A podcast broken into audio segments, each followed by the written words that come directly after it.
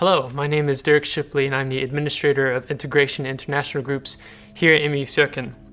Uh, today, as we draw closer to Easter, I want to spend some time talking about one of the most important commandments we find in Scripture, and one that also Jesus spends a lot of time talking about. Uh, it's a simple commandment that perhaps sometimes we as Christians miss the mark on, uh, but it's to bless those both inside the church and outside the church, and that is love. In Matthew chapter 22, verses 34 through 40, we find an interaction between Jesus and the Pharisees. But when the Pharisees heard that he had silenced the Sadducees with his reply, they met together to question him again. One of them, an expert in religious law, tried to trap Jesus with this question Teacher, which is the most important commandment in the law of Moses?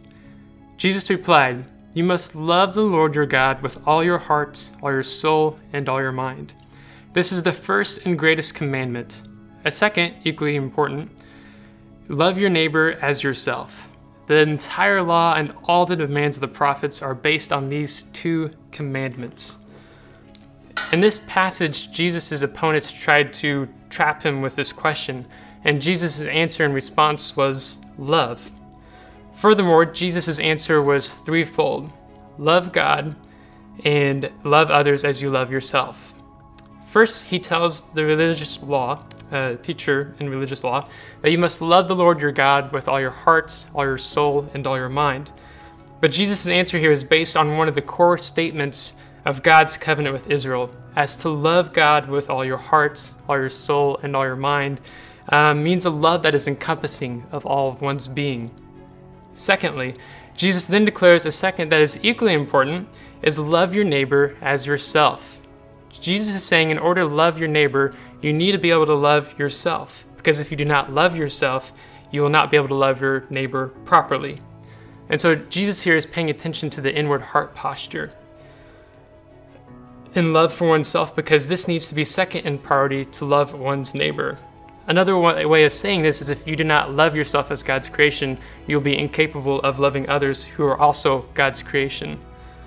Thirdly, then from love of God and love of self, then you'll be able to love others, as Jesus illustrates in his response to the Pharisees. In John chapter 3, verse 16, one of the popular uh, Christian passages uh, that many Christians around the world know, uh, in the New International Version translation, um, I love how it reads here. It says, For God so loved the world that he gave his one and only Son, that whoever believes in him shall not perish but have eternal life. Then in verse 17, it continues to read For God did not send his Son into the world to condemn the world, but to save the world through him. The cross, for me, reminds me of God's love. We are given this simple commandment to go and do the same, and that is to go and love our neighbors. Here's the thing that God is not concerned about society's cultural norms. God is concerned about how we love and care for others, regardless of society's cultural norms. Being a Christian means that we, as Christ's ambassadors, have to be willing to be bold and step across these society's uh, cultural norm lines in order to love and care for others, especially when no one else will. In today's generation, perhaps previous generations as well, I would argue that sometimes maybe when people think of Christianity, they first think of what Christians stand against rather than what Christians stand for. This is something as a Christian to which I hope I can change this perspective on in my short time here on earth. And it begins with loving God, loving myself, and loving others.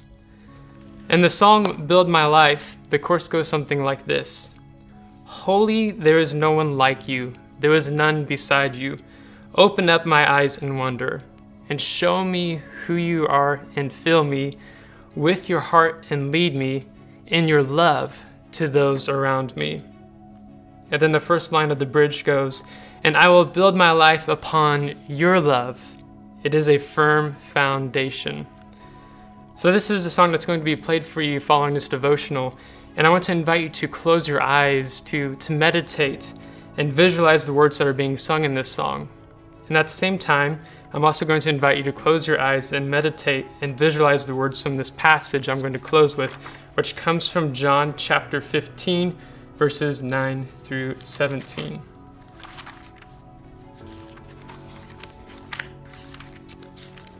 So it reads as this I have loved you even as the Father has loved me.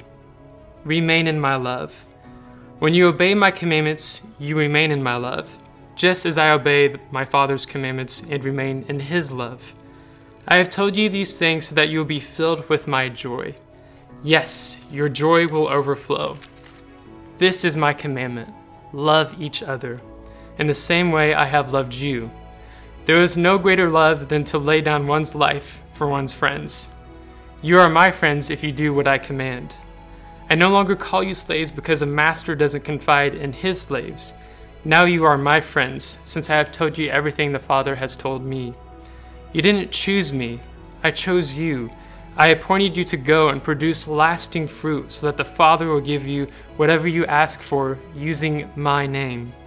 This is my command love each other.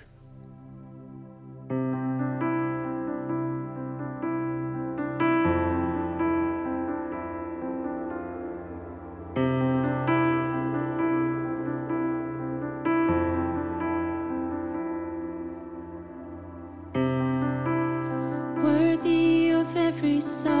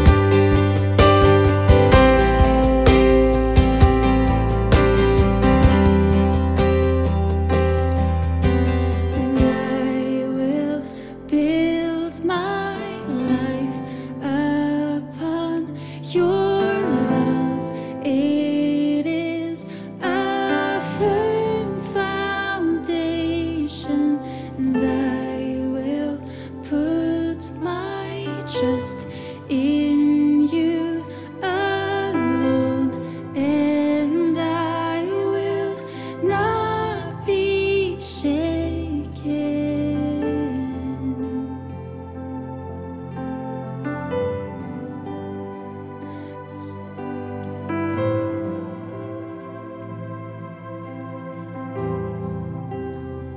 We will not be shaken.